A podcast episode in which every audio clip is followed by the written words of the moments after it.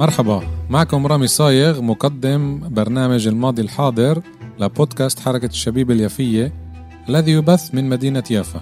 برنامج الماضي الحاضر سيشبك بين أحداث تاريخية وبين واقعنا الحالي الذي نعيشه بشكل خاص في البلاد وفي الوطن العربي بشكل عام. سأستضيف من خلال البرنامج شخصيات يافوية وفلسطينية للبحث في هذه الأحداث.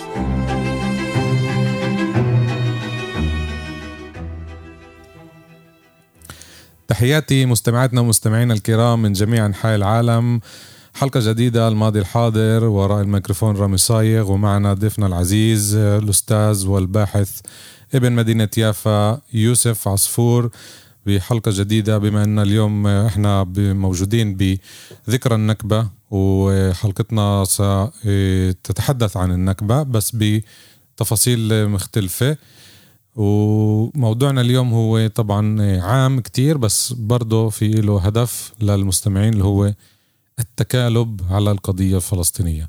صحيح في كتير مواضيع نقدر نحكي عنها بنقدر نحكي بس عن مدينة يافا بس إحنا نختار القضية الكبرى اللي هي القضية الفلسطينية. وإيش الماضي والحاضر تبعها يعني كمان كان في عنا تكالب بالماضي من قبل قوة عالمية. هلا رح نسرد الموضوع التاريخي وكمان الحاضر 2023 أستاذ يوسف شكرا لك لوقتك وحضورك لبودكاست حركة شبيب اليافية. شكرا لك. دائما أنا فخور أكون معك وأكون بهاي البرنامج. وإحنا أكثر وصوتنا دائما بوصل بفضلك وبفضل كل الضيوف الكرام اللي بيجوا عنا. شكرا. واليوم زي ما قلنا نشدد على القضية الفلسطينية. إحنا ببرنامج الماضي الحاضر مش بس للكلام إنما كمان للبحث الحقيقي والعميق بموضوع النكبة. إحنا دائما بنجيب بشكل غير مباشر لما نحكي على القرى وعلى المدن. بس اليوم حبيت أتطرق لموضوع التكالب على القضية الفلسطينية. يعني كمان في عنا دول قوى عظمى ومش عظمى كمان اللي اشتغلت ضد القضية الفلسطينية. أو على الأقل تجاهلت الظلم اللي مر عليه الشعب الفلسطيني غير الدول اللي طبخت الطبخة هاي اللي هي زي سايكس بيكو فرنسا وبريطانيا ما قبل الولايات المتحدة اللي كانت منعزلة بوقتها بالقرن العشرين واليوم 2023 لنبدأ بالبرنامج بالحلقة. من فكرك بالنسبة للدول الأجنبية كان وراء طعننا إحنا إيه سؤال كتير إيه واسع. جدا. آه إيه طلع. بفكر الإشي بدأ بالدول العظمى أو الدول الكبيره م. يعني في حينه فرنسا بريطانيا دول الكبيره هاي.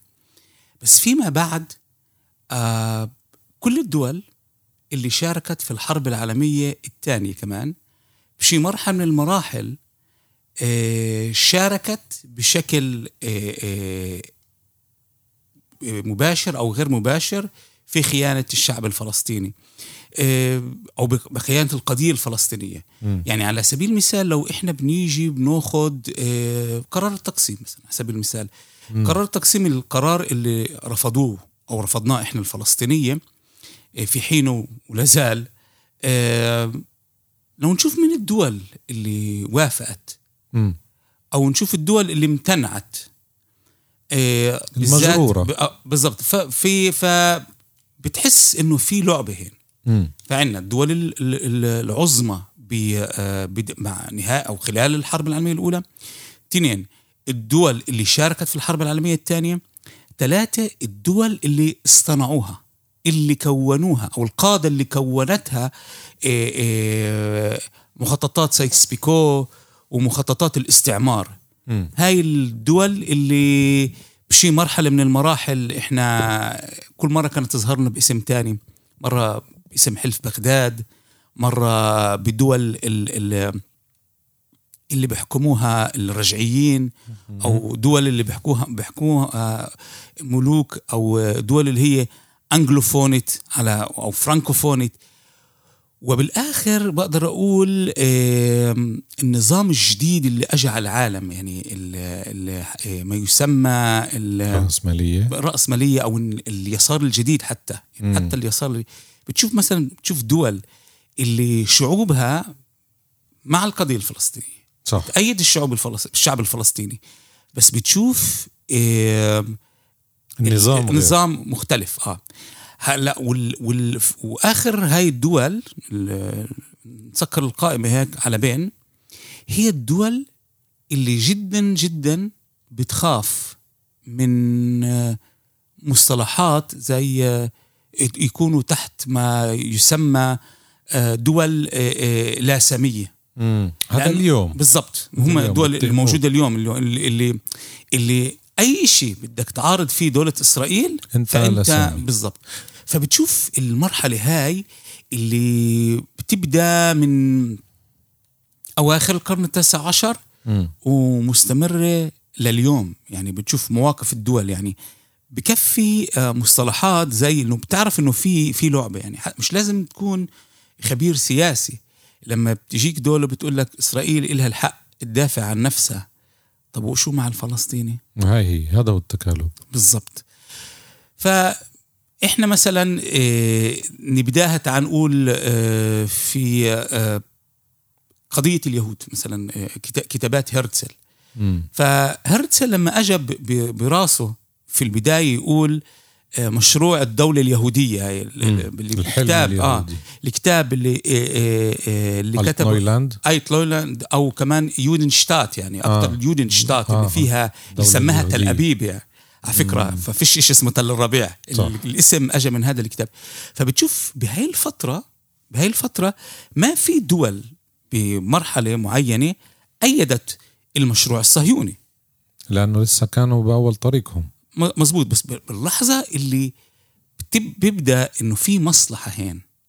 فبيجوا لك مشاريع زي مشروع سينا العريش آسف زي مشروع أوغندا. وشوي شوي تعرف بيجيك طبعا آه، سايكس بيكو. وعد بلفور هاي البداية هلا وكمان هاي خلال هاي الفترة بتبدأ تشوف كمان خيانة من الداخل اللي هو هذا وين أصبعك يعني. بحط ال- على الوجع. هذا. إنه فجأة بتقدر تلاقي إنه الملك فيصل و- وفايتسمان بيبدوا يحكوا على قضية الدولة الدولة اليهودية أو وجود آه، آه، آه، بيت يهودي في فلسطين وموافقة بعض القادة العرب على على هذا المشروع. غير هيك بتبدأ الإشي يك- يكون أكتر واضح لأنك كفلسطينية إنه بعد الصدمة الأولى اللي كانت لنا إيه، كانت لنا الصدمة مع نهاية الحرب العالمية الأولى أو مع الاحتلال. البريطاني لفلسطين 1918 كانوا- كانوا ولسه ما مش عارفين إحنا إنه في في إنه في وعد بلفور مم. طبعا ما ف- كانش في صحف بالظ- قوية وما كانش في إنترنت الناس تعرف مش بس هيك مش بس هيك. بهاي الفترة لم يتم إعلان بشكل رسمي آه وعد بلفور يعني صك الانتداب بيبدأ الفلسطيني يفهم إنه في إشي هين. في إشي فيها لعبة. كيف؟ مع صك الانتداب بتبدأ شوي شوي تشوف نقاط ال- ال- المستعمر البريطاني بشدد عليها. واحد السماح بالهجرة اليهودية إلى فلسطين. اثنين إنه اللغة الرسمية في فلسطين تصير اللغة العربية الإنجليزية والعبرية لما عشية الحرب العالمية الأولى ما كانش في لغة اليهود عبرية بالضبط شكلوا 3% 2% لا واللغة العبرية اللي عملها مظبوط. بين يهودا العازر بن كانتش يهودا. مزبوط النقطة الثالثة إنه المستعمر البريطاني بقرر إنه الممثل على كل الشعب اليهودي بالعالم هي ما يسمى الهستادروت الصهيونية. واللي, واللي مسؤول عليها بيكون آه، خايم فايتسمان. بينما برفض أو ما بيعترف بأي ممثل للشعب الفلسطيني. مم. وطبعا النقطة الرابعة هي النقطة تبعت إيه لازم أنتم تقبلوا فكرة الوطن اليهودي أو وعد بلفور فبتشوف على مدار فترة الانتداب الأشياء هاي. بالضبط. وهربرت سامويل. يهودي. هو هو هم بعينوه لهربرت سامويل. والوزراء بيكونوا يهود إنجليز على مش, فكرة. مش بس هيك. شوف ال ال ال العناد هذا إنه الكتاب الأبيض الأول والكتاب الأبيض الثاني واللجنات لجنة بل لجنة شو صحيح. كله بيبدأ يبني بهالموضوع. فبتصير تشوف أنت إنه لهي الحقبه الزمنية عندك بريطانيا اللي هي تعد دولة عظمى وشريكها اللي هو فرنسا اللي هي فرنسا. ولسه ما بيكون هذا ال ال ال باقي الدول القوية.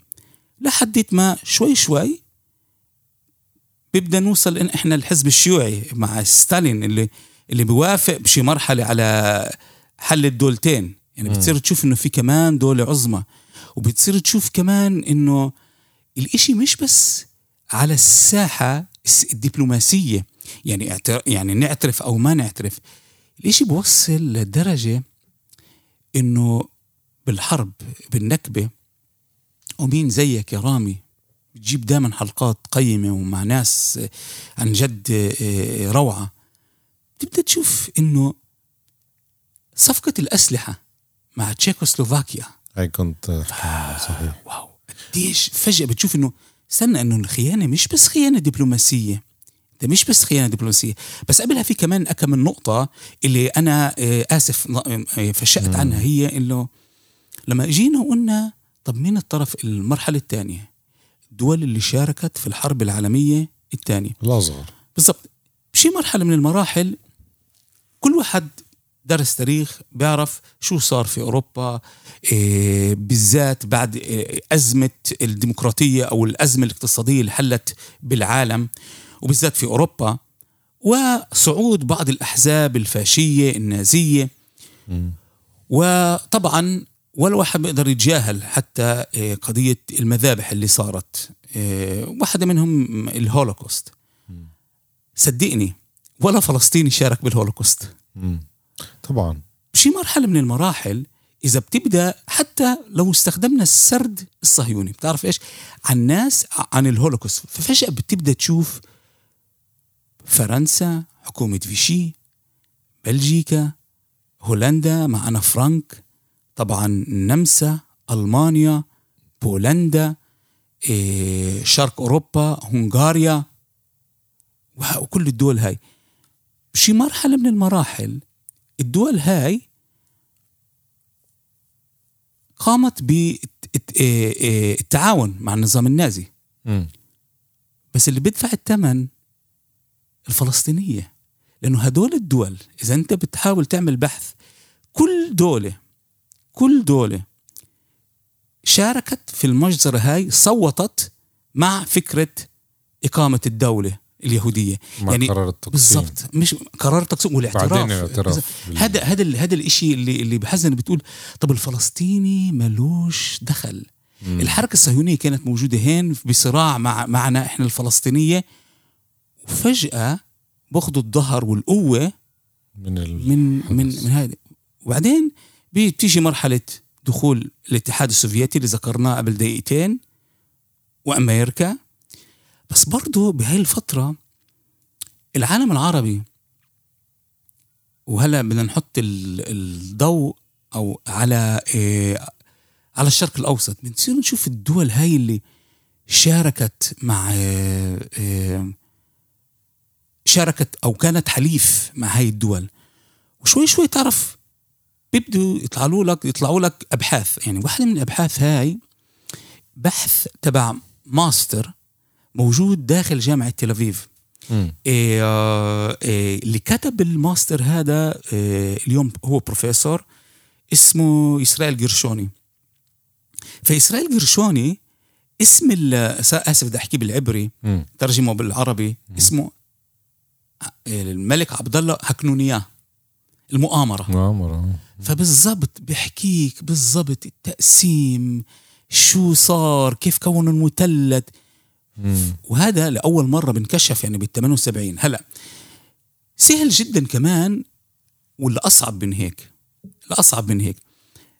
تخون الشعب الفلسطيني دبلوماسيا يتخونوا بالأسلحة تخونوا بالإعتراف بعدوه واللي أصعب من هيك واللي موجود داخل الوطن العربي هي فكرة إنه الفلسطيني باع أرضه. هاي دائما بنقولها هلا بالضبط هلا هاي نكشف الحقيقة إذا ما فيش هيك شيء بالضبط إنه لما بتيجي بتشوف إنه يا عمي تعال نرجع لورا. 1918 الفلسطينية إيه فلسطين تم احتلالها من قبل بريطانيا. مم. كل الأرشيف الفلسطيني أو العثماني اللي كان في فلسطين بيروح على دمشق بحاولوا يهربوا لدمشق. ودمشق بيحتلها الجيش ال- فرنسي. ال- لا بيحتلها الجيش آه الم- فيصل. فيصل مع مين؟ مع الجنود الإنجليز. إنجليز. وحدة اللي أجت من أستراليا ومن من نيوزيلاند. بأخذوا بأخذوه بأخذوا الأرشيف وبرجعوه على فلسطين. لما بيرجع على فلسطين تحديد الإنجليز. بالضبط بيبدأ سن قوانين اللي هي على فكرة موجودة لليوم. يعني شوف شوف كم من مرة بنخان له الفلسطيني. قانون قانون انتدابي بالضبط. كيف بيصير الفلسطيني؟ يعني يعني هلا يعني اجى الاحتلال. بضل الفلسطيني موجود مزبوط في الحرب العالمية الأولى. يعني إحنا كيفوية ودكتور يوسف هيكل كتب هذا الإشي في آه، آه، أيام الصبا إنه بيطلعوا من يافا بس بيروحوا على كالكيليا بيروحوا على تل كرم ما بهربوا. مم. بيرجعوا بس بضل بيعرفوا وين بيوتهم بشي مرحلة تيجي بريطانيا اللي كل السياسة تبعتها السماح بالهجرة والسماح بأنه يشتروا أراضي من الفلسطينية الفلسطينية ما بتبيع. فبيبدوا قوانين اللي هي كمان خيانة إنه أنت بتيجي بتحتل دولة تيجي بتحتل دولة وبتبدأ تسن قوانين زي إنه ممنوع ال- الفلسطيني في مثلا مدينه يافا يكون له أكثر من 20 دونم. مم. أو تيجي تاخذ منطقة تسويها منطقة عسكرية وبعدين تصادرها. مم. أو تصادر منطقة وما تخليش الفلاح الفلسطيني يزرع أرضه بالآخر بتصادرها وبتبيعها. يعني القوانين اللي موجوده لليوم بمنطقة جفتلك ومنطقة سي. يعني مش الإسرائيلية اخترعوها. من بالضبط، الإنجليز، صحيح. بالضبط بالضبط. ف هاي الأشياء اللي كل قد بتحزن وخصوصا لناس اللي بتعلموا تاريخ. بتشوف كيف مثلا على سبيل المثال الهجوم تبع الإنجليز على آه، بلجيكا لما استعمرت الكونغو إنه كيف ملك ملك بلجيكا بقرر إنه هو بملك كل إشي على الأرض وفوق الأرض في الكونغو وأنتم بتعملوا نفس الشيء للفلسطيني. مم. وين مش بقول الإنجليز هو جنتلمان فيش يعني جنتل فبتشوف اللعبة هاي وجدا سهل يا رامي ويا مستمعين إنه باللحظة إنه أنت تقدر تهيمن على الفلسطيني وتسيطر على أملاكه للفلسطيني وتخونه وفيش مين يوقف مع الفلسطيني. مشان هيك لل 48 نسبة الأراضي اللي تم شرائها بوصلش ل 5% من فلسطين. 100% عشان هيك اطردونا يعني بالضبط ما قدروش بالضبط. يشتروا. بالضبط بالضبط بالضبط. هي اللعبة. رغم كل التكالب وكل ال- ال- القوانين اللي قلتها أنت. هل والدعم الصهيوني ال- البريطاني للصهاينة هلا. إحنا هلا خلصنا الحرب العالمية الأولى ال- والثانية و... وعدينا النكبة. طيب صدر قرارات في أمم متحدة. أول شيء بينزلوا عصبة الأمم. وه... بتعرف أكثر شيء بحزن. وهذا بنقول بدنا نقول للمستمعين إنه تعال نشوف وين كمان في كان في خيانات من ناحية آه، مؤسسات دولية مم. ناخذ عصبة الأمم إيه، حق العودة حصل قبل قبل قبل آه، قبل الأمم المتحدة كان في عصبة الأمم آه. اللي سووها تعرف بعد بعد, الحرب. بالضبط بعد معاهدة فرساي. بالضبط تعرف أكثر شيء بحزني بعصبة الأمم إنه هي هي اللي صوتت لصالح وعد بلفور لصالح الاعتراف إنه لازم يكون لليهود وطن قومي في فلسطين. بعدين بتتفكك عصبة الأمم بتتفكك. بس بضل هذا القانون موجود وهذا اللي بعصبن. لدرجة إنه مع ميلاد ال- ال- الأمم المتحدة وتبني قوانين زي آه، حق تقرير المصير أو نقاط أو نقاط ويلسون مم. بتقول طب تعال نطبقها عرض الواقع. وين؟ مم. واحد تسعة أربعة حق العودة مش موجود ما هي ضلوا. حبر على ورق بضل حبر على ورق و- وقرارات عديدة عديدة ب- أما اللي بحزن إنه مثلا لو لو آه، تخيلنا آه، آه، بشعوب تانية بالعالم مم. يعني ليه فجأة و- و- و- ويسامحوني يا شعوب العالم أنا مش قصدي آه، آه، يعني أمس فيكم بس إنه فجأة في اعتراف بكوسوفو في اعتراف ب آه، بجمهوريات تانية في حق التقييع جنوب السودان, السودان. ليه لما الإشي يوصل للفلسطينية هذا الشأن هو شأن خارجي أو ها.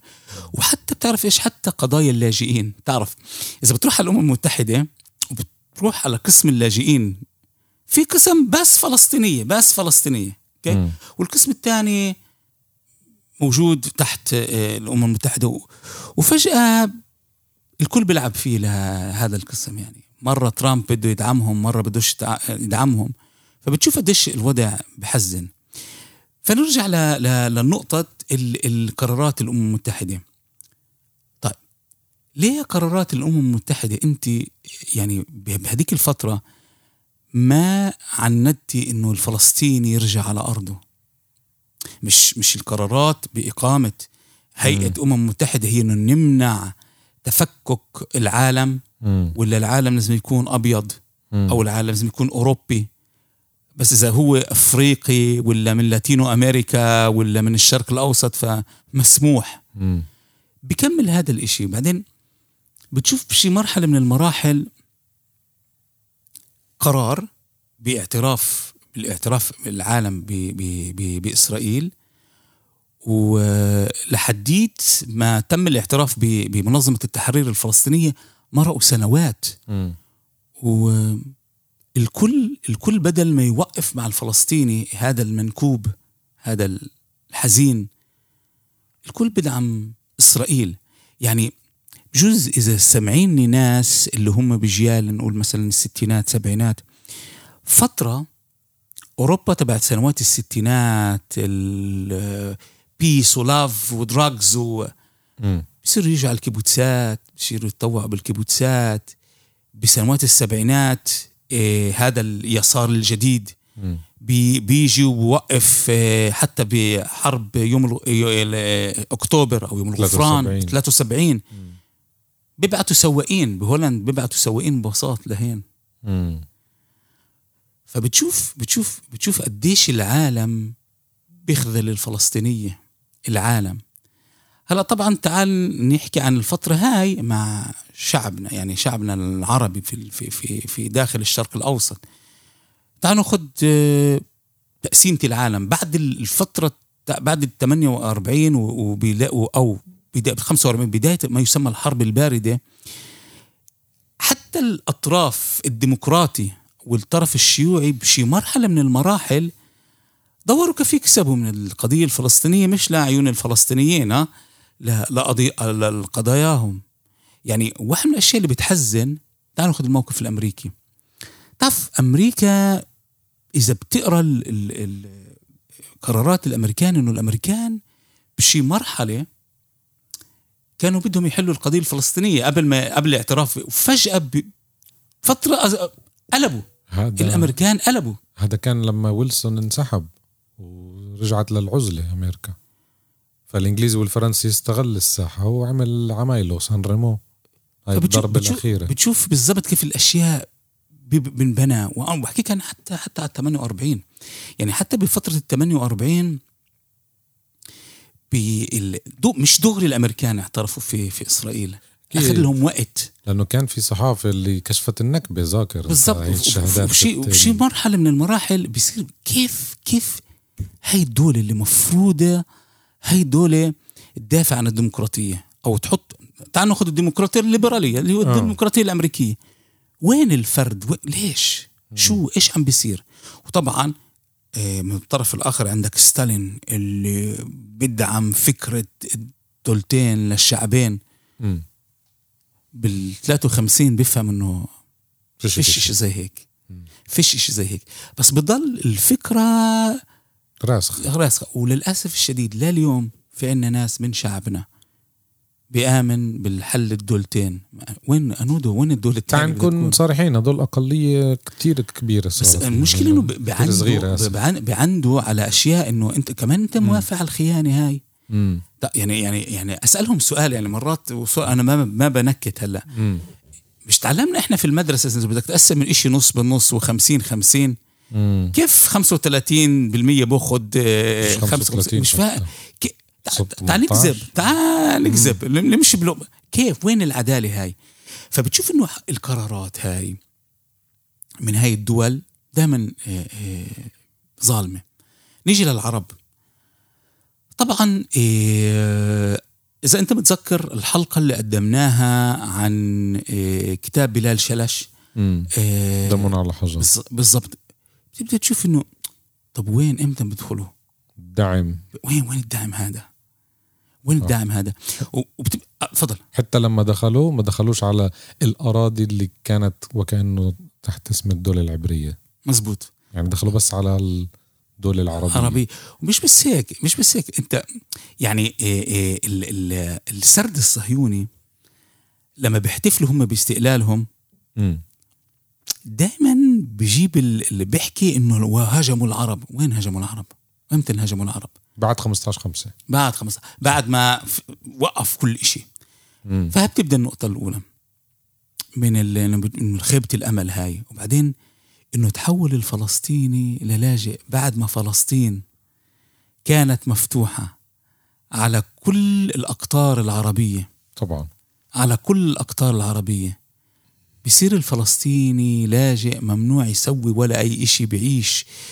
تحت خيم بعيش بالسقعة بعيش في الشوب بموت بالأمراض وبموت من الجوع. قبل الخيم على على كانوا بالبراري. بال... على امل على أمل إنه هذا العربي هو اللي راح يساعده. القومية العربية اللي كبرنا عليها. مم. شي مرحله بيجي فترة الجنرالات. وفترة الجنرالات برضه ما بيأدي الفلسطيني حقه. وهين بجوز هلأ جزء من المستمعين يتضايقوا من حكي. أنا بفكر إنه الفلسطيني فهم الفلسطيني فهم مش من ال 48 الفلسطيني فهم أو المقاوم الفلسطيني فهم من ال 36 مش من ال 48 الثوره الفلسطينيه بالضبط إنه هو لحاله. الفلسطيني صحيح. فهم إنه هو لحاله. فبعد 48 الدول العربية ما آمنت. بهذا الفلسطيني إنه راح يقدر يسوي أو أو يحقق أحلامه بحق تقرير مصيره وحق عودته إلى بلده إلى فلسطين م. اللي بيصير هنا إنه وهذا هي بسميها خيانة أو عدم الثقة بالفلسطيني وهي كمان خيانة يعني بجوز ما ما ما توافقوني معها مستمعين م. بس لما أنا بقول أنا بدي أحكي بشا... باسم الشعب الفلسطيني أنا اللي, ب... صحيح. كل الفكرة كانت هاي. تستهتر فيه. بالضبط إنه وضل الإشي هذا ل 57 67 73 لا ت... لا قبل قبل شوي لحديت لحديت حتى لما تم إقامة منظمة التحرير الفلسطينية بال 65 لسه ضل الفكرة هاي. إنه ضعيف. بالضبط. والفلسطيني لما عرف إنه زي ما بقول المثل العربي ما بحرة الأرض إلا عجولها إيه، حاولوا كمان يضايقوه. يعني وبدينا نشوف إيه، سلسلة المضايقات. نبدأ مثلا من الأردن. بالأردن كان في يعني بعد قضية إيه، الملك عبد الله و وعمليا محاولة تسوية أو إنهاء القضية هاي إنه الفلسطيني يصير أردني. أو آه. هذا كان مخطط من بالزبط. وقت قرار التقسيم. بالضبط. إنه يصير كان مع هذا الشيء والفلسطينية رفضوا. واللي اشتغل جامد عليه كان وصف التل اللي بالآخر تم إيه إيه اغتياله في في القاهرة. طبعا بعد أحداث إيلول الأسود. وكمان حتى المواجهات اللي صارت بين الجيش الأردني وبين منظمة التحرير هو برضه نوع من إيه، وهنا ما بدي أخش لأمور حساسة يعني بيننا وبيننا كفلسطيني وبين إيه، إخوتنا بالأردن بس هذا كمان كان نوع إنه إنه إيه، الصراع اللي كان غاد بنظري بنظر يوسف عصفور آه. هو إنه الفلسطيني فقد الأرض الفلسطينية تبعته بال 67 فصار هو على الحدود وهو مجبور مجبور يقاوم. وفهديك الفترة يعني يعني ما بتقدر أنت تهزم جيش احتل خلال ست أيام سيناء الضفة الغربية قطاع غزة والجولان بطرق استخدم استخدموا طرق بجزء ما عجبت النظام الأردني في حينها خطف الطيارات وتفجير الطيارات. بس هي كانت الوسيلة إنه لا أملك شيء. وبعد أيلول الأسود الفلسطيني بعد خيبة أمله من من إيش بيصير في الأردن بعد ما فكرة بعد ما خاضوا مع بعض معركة الكرامة إنه صحيح. واو بتقدر تسوي تحقق إشي بتقدر تجيب النصر فجأة بيصير الهزيمة هاي. بعدين بروح على لبنان وبلبنان وللأسف شديد لبنان هي تعرف أختك وحبيبتك اللي مقسمة طائفيا وال وال وال بهذيك الفترة الصراعات اللي موجودة في لبنان وال والطائفية اللي موجودة بلبنان ووجود فكر فكر إيه اللي هي حسب رأيي هي السبب الحرب بلبنان ومظبوط أنا بذكر الطائفية بس الطائفية هي شيء جدا بسيط. واحد من الأسباب. بالضبط. بس ال... بتوصل فيك إنه تحارب الفلسطيني أو أو بواصل إنه. إنه الفلسطيني بتشوف عدوك. بشوف بالضبط يعني عدو شيء مش بس هيك طلع مثلا هلأ بهاي الفترة السبعينات النظام السوري نظام حافظ الأسد تل شوف الزعتر. طلع بالضبط تل مش بس تل الزعتر حرب المخيمات حرب المخيمات بعد ما منظمة التحرير عرفات بيطلعوا من من من لبنان بتبدأ سلسلة بتبدأ كمان حرب اللي اسمها حرب المخيمات. حرب كتير صعبة كتير كتير كتير صعبة. مئات الفلسطينيين بيموتوا من الجوع ومن القتل ومن القنص. ومين بحاربهم؟ حركة أمل الجيش السوري إضافة إلى بعض ال ال ال ال كتائب. الكتائب. طبعا. إيه وبشي مرحلة وهي أسهل إشي يعني يعني اتهمنا الغرب واتهمنا الشرق الشرق والغرب يعني الدول الأوروبية شرق أوروبا وغرب أوروبا. اتهمنا دول عربية. بشي مرحلة يأسنا خاننا اليأس تبعنا برضو خاننا. يعني يعني إحنا إيه كل فكرة أوسلو كل فكرة. إيه إنه تتنازل وكل الأفكار هاي إيه بالتالي اللي كتب عنها بطريقة كتير حلوة بس بدك تفهمه من بين السطور بسام أبو شريف. أيوه. بسام أبو شريف آه، عنده كتابين كتير حلوين ويا ريت واحد يقراهم. بكتاب واحد بيحكي عن يومياته في في في بيروت مم. وبيحكي عن غسان كنفاني وإلى آخره. وفي عنده كمان كتاب اللي فيه ب- آه، بذكر فيه ال- وحدات القتل ال- الإسرائيلية.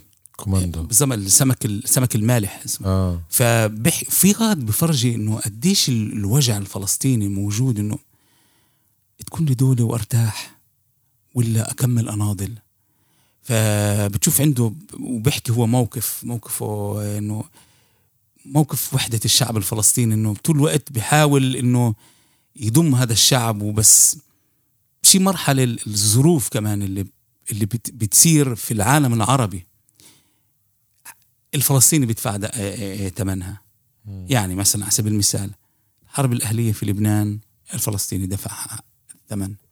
الاجتياح العراقي للكويت الفلسطيني بيدفع الثمن. أوسلو؟ إحنا دفعنا دفع إحنا دفعنا الثمن والفلسطينيين في ليبيا دفعوا الثمن. وهلم جرة وهلم جرة وهلم جرة. و ف ف بشي مرحلة من المراحل بتحس إنه إنه حتى إحنا كفلسطينية يعني حتى منظمة التحرير مثلا اللي صار انه نطيت للأيام هاي وبحكي عن منظمة التحرير إنه. شوف كيف منظمة اللي مفروض تكون ممثلة الشعب الفلسطيني. كيف أوسلو مسخها قطعها مزقها إنه صار بطلنا شعب واحد صرنا أرقام وصرنا مجموعات. وإذا مرة كنا يعني بس بعد ال 48 كنا 48 بعدين صرنا 48 و67 48 67 لاجئين بعدين صرنا فتح حماس جبهة وكله تقسيمات بالضبط بالضبط بالضبط بالضبط. يعني وهذا الإشي اللي بحزن إنه لأنه إيه العرب وصار إنه هلا بحكي العرب كلهم مش شعب خاين. في كتاب جميل جدا لسميل سليم تماري. مم. اسمه عام الجراد. مم. بيحكي فيه عن يوميات إيه جندي. جندي بالضبط. جن... وبيحكي فيه كيف إنه لا مين قال؟ العرب مش خون العرب حاربوا طبعا. بس قلة. مم. فبتقدرش يعني إذا إذا اليوم التركي بقول لك عرب خيانات لا إحنا مش خو... ما بنخون. آه التركي قال عشان كانت الثورة العربية الكبرى سنة 1916 ومش بس هيك يعني مش مقبول هذا الشيء برضه يعني اللي كتب برضه حلو هيك آه، على علينا على على آه، القضية أو العالم العربي والخيانة وفلسطين هو المغوط بالمغوط عنده كتاب اسمه المهرج مم. ففي غاد بيحكي فيه إنه سكر قريش بصحى مم. وبالآخر بيبيعوه جنود العرب في كيس بصل. فهاي هاي الستيرة اللي, اللي عمليا بتحاول تلخص لك أحزانك مم. فأنا بجوز حكيت أشياء عاطلة بس أنا متأكد إنه إحنا مش يعني إحنا مش شعب خاين. بس ال ال ال العالم اللي حوالينا الدول القوايا هي التكالب. لأنه حتى بالضبط اللي أنت بتقوله لأنه حتى الدول العربية اللي بدنا نحط إصبعنا إلها عليها ونقول لهم أنتم كنتوا هم جزء من ال من ال- الكعكه اللي خبزتها خبزها الاستعمار. طبعا. يعني الشعوب لليوم. معك الشعوب معك الشعب المصري معك الشعب اليمني معك وأقول لك إيش أكثر إشي ممكن يحزننا هلأ ونحطه على الطاولة إيه لما ترامب اجى وصفقة القرن. وسموها إيه، إيه، إيه، إبراهيم صلح إيه، إيه، آه, آه حدث مش محادثات أو معاهدة, معاهدة إبراهيم. فجأة الإمارات البحرين عمان السودان عمان بتقول واي كيف شو شو عم بيصير؟ يعني إيش إيش رح يصير في قضيتي؟ إيش رح يصير في قضيتي؟ ف بتوصل لوضع بتفيق الصبحيات تخش على الحمام بتشوف وجهك على المراية بتطلع بتقول لنفسك أنت الوحيد اللي ضليتك ما خدتش شعبك. أنت اللي ما طبعت بالضبط. والاخر بتطلع وبترجع في نفس بنفس اليوم مقهور. تسمع الأخبار بتنقهر بزيادة بتروح بتنام بيطلعوا لك الأحلام الكوابيس. و- و- بس بضل في أمل يعني بضل في أمل اللي هو هذا الجيل اللي, اللي أنت اللي, اللي المحطة تبعتك البودكاست هذا تبع حركة الشبيبة بأديك أمل. بأديك أمل لأنه إيه عمليا الفكرة هاي العبقرية إنه إنه أنت عامل سلسلة عن النكبة. إنه أنت بتجيب ناس تحكي عن قرى مهجرة. أنت بتيجي بتحكي عم تحكي مع ناس اللي بيحكوك قضايا اللي هي معروف بس ولا واحد سمعها. مم. ما تعمق فيها. هي ال ال ال الأمل. ف في شعر دائما بجوز حك- حكيت لك إياها هذيك المرة في واحد من البرامج فسوري بدي أعيده كمان مرة. بواحدة من ال- ال- أغاني المقاومة تبعت ال ال ال اليمن في في شعر اللي فرقة صابرين غنته. مم. فبتقول الشعر بيقول من نحن عشاق النهار نحيا نحب نخاصم الأشباح ونحيا في انتظار. سنظل نحفر الجدار. إما فتحنا ثغرة للنور أو متنا على وجه الجدار. وأنا بفكر إنه إيه الخيانة هي إشي صعب جدا. صعب جدا جدا جدا جدا صعب. و إيه بس كتير كتير مهم إنه بتحاربها بالتوعية. تحاربها إنه إنه إيه ما تبيع شعبك يعني. زي ما ناس باعوا شعبهم في في في مناطق في الضفة مقابل 500 شيكل وقروص دخان مم. أو ناس آه، بيسلموا قاده معينة لأنه ما ما بفكر إنه آه، أي جهاز مخابرات بالعالم بيقدر يعرف إشي من غير ما يكون واحد من الداخل مم. يشتغل معاهم و... وبتشوف كل مرة من جديد إنه إنه لو إنه عن يعني مزبوط هاي من جهة واحدة الإشي اللي بوجع من جهة تانية بتشوف إنه ال- المحاولة ال- ال- ال- النظام الإسرائيلي إنه كل مرة يعمل لك وحدات مستعربين مم. هدول اللي يحاولوا إيه، إيه، يشككوا بتبدأ تفهم إنه لا رغم كل المآسي هاي لا في في في فينا خير يعني هو بحاول يخترقك بالقوة لأنه مش ملاقي مين. وهي هي هي ال- الواقع يعني المرير يعني طبعا إحنا نقول للمستمعين إحنا مش ب بحلقة سوداوية بالعكس الم- الموضوع صحيح أليم بس إحنا نفرض الواقع يعني نفرض الحقيقة المتواجدة بالقضية الفلسطينية اللي مش الكل بيحكي عنها. حتى بهاي الأيام لما في حرب على قطاع غزة الصحافة العالمية لساتها منحازة يعني ضدنا للأسف الشديد. وفي هذا التكالب لليوم موجود من قبل. الصحافة كمان ما ذكرناش إحنا الصحافة ذكرنا الدول. بس بدي أعطي كم من ملاحظة على اللي حكيناه. إيه مثلا إيه صحيح الجيش العربي ما دخلش كل فلسطين وحط لحاله وكأنه بيحترم قرار الأمم المتحدة مع أنه هي غلطة استراتيجية كانت. لو لا كان يمكن يتغير التاريخ. على سبيل المثال الجيش اللبناني دخل لحد الجليل والجيش السوري كمان دخل لحد الجليل. هدول كانوا لحد فترة معينة إيدهم المتفوقة مش هم المنهزمين. لما صارت الهدن اللي صارت تطلبها الأمم المتحدة هذا كمان تكالب اللي بينفع نذكره. ساعتها صار في آه، انقلاب بالمعادلة ورجع الجيش الصهيوني انتصر بمعارك اللي كان خسران فيها بالجليل لأنه الجليل آه، لحد أواخر ال 48 تم احتلاله. كان في فترات معينة في بكتاب آه، آم، نكبة حيفا والجليل. موجود هذا الإشي. لبروفيسور آم، من مجد الكروم آم، نسيت اسمه. آه، بيحكي بالضبط إنه كمل كملوا ال- ال- ال- المجازر حتى بعد بعد ال 48 ب 49 مم. وغيرهم. طبعا. يعني هذا كمان نقطة ضوء إنه نذكرها على الجيش اللبناني والجيش السوري اللي آه، بس فرضوا عليه سنة 49 معاهدة رودوس. اللي هي وقف إطلاق النار آه، على الحدود صح. بما يسمى حدود سايكس بيكو إيه كمان بالنسبة للبرامج طبعا إيه مش بس برنامجي بيسلط الضوء على القضية الفلسطينية. عنا زميلتنا رشا بركات بتعمل استضافات عملت كمان معك استضافة. إيه مع شخصيات فلسطينية وكمان إيه يفوية إن كان بالشتات وإن كان بفلسطين.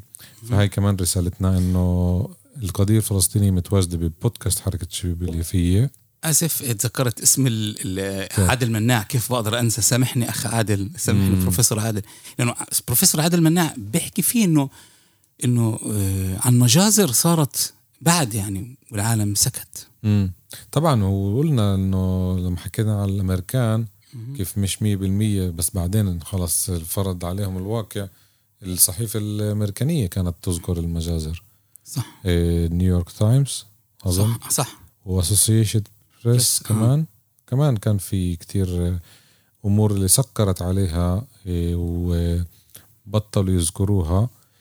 إيه، بالنسبة لليوم كمان انت ذكرت إيه، طبعا الأمل الوحيد تبعنا هو الشعوب لأنه مش كل الدول طبعت طبعا في أكيد. الجزائر بنفتخر فيها الجزائر دائما هم كمان حطوا القضية الوطنية على رأسهم وفي عنا تونس اللي بيحاولوا يتكالبوا عليها اليوم خاصة بالوضع الاقتصادي. اللي هي صارت فيه. عنا لسه بعض الدول طبعا مش كلهم إيه، نفس 100% الحالة. 100% ففي في مد وجزر زي ما بيقولوها. بده جزر وبتعلق مين واقف فوق ومين بيشد لأنه هي إحنا بنحكي عن القادة ما بنحكي عن الشعوب لأنه الشعوب مم. الشعوب هي عظيمة. الشعوب هي اللي بتسوي التغيير. مم. الشعوب العربية دائما بتساند القضية الفلسطينية دائما في كل محل مم. من الإمارات من البحرين من السودان مم. من مصر من تونس من أي شارع بشوارع الوطن العربي دائما في عندك واحد أو واحدة بهت في فل... عاشت فلسطين حرة من المخيمات من لبنان وهين فرصة نوجه تحية ل... لأختنا رشا بركات ونقول لها إيه تحياتنا من يافا. لبيروت. ودائما الشعوب معانا. ما دائما الشعوب معانا. لأنه بالنهاية أنت ما بتقول ما بتقول آه ناخذ ما بتقول مثلا مصر خان ما بتقولش المصريين خانوا. بتقول الحكومة المصرية. م. ما بتقول الشعب الإماراتي خان. بتقول الحكومة الإماراتية. ما بتقول اللبنانيين خانوا. بتحكي عن فئة معينة نظام. عن مجموعة معينة عن نظام معين م. الشعوب دائما معنا صحيح. الشعوب دائما معنا عشان هيك البرنامج اللي كان إنه إنه هاي الدول هاي اللعبة اللي لعبوها دول م. لعبوها قوة سياسية لمصالحهم لمصالحهم الخاصة أو عشان يبرئوا حالهم من من شيء معين وأقول لك إيش مش محبة حتى في إسرائيل محبة في في في في المصالح تبعتهم طبعا. وبنشوفها إحنا الإشي يعني لليوم إنه إنه الخوف هذا آه، بعده موجود آه، آه، أو مصالحهم آسف بعدها موجودة واللي مرات بنعكس بمواقف اللي لهلأ مش قادر أنت تفهمها. إنه كيف العالم الحر اللي مستعد يزود الأوكرانيين في آلاف الأسلحة و... و... وبنادي إنه لازم توقف الحرب؟ سامح. لدول تحاصر شعب 17 سنة. مم. وين وين المنطق بهذا الإشي؟ ازدواجية المعايير. بالضبط. معروف إنه العالم معاهم مم. يدخلوا كنابل وسلاح وطيارات ما هم مش يدخلوا مي على غزة. مم. طبعا. معهم معهم في إمكانية يستقبلوا ويفتحوا مراكز ومش عارفين يمرقوا الدواء لغزة. طبعا سياسة الغرب انكشفت بحرب أوكرانيا بشكل تام يعني التكالب هذا اللي حكينا عنه برضه بأوروبا. إيه، حكينا بما فيه الكفاية آخر كلمة تحب توجهها لمستمعينا خاصة اللي بالشتات. على الرغم من مرور 75 سنة الحلم لساته موجود حق العودة هو حق. الحلم العودة اللي هو لازم يتحقق وأكيد رح يتحقق. فمش مهم يعني بجوز اليوم اللي زاد بنقص يوم من العودة. امم صحيح. هذا هو أملنا هذا هو مش حلمنا بالمعنى الحرفي هذا هو الأمل بصيص الأمل تبعنا على أساس إنه نتنظم من جديد وطبعا مش بس كشعارات وكعمل. شكرا كتير أستاذ يوسف على آه، هاي الحلقة شكرا لك. ونثمن هذا الشيء شكرا لك وشكرا للجمهور المستمعين. وبس كلمة واحدة بدي أطلب طلب. في آه، فكرة آه، يا ريت المستمعين يساعدونا فيها ينشروها. إنه ب 26 8 اللي ساكن على شط البحر بدنا نسبح بهذا اليوم تضامنا مع أطفال غزة اللي بيقدروش يطلعوا من غزة.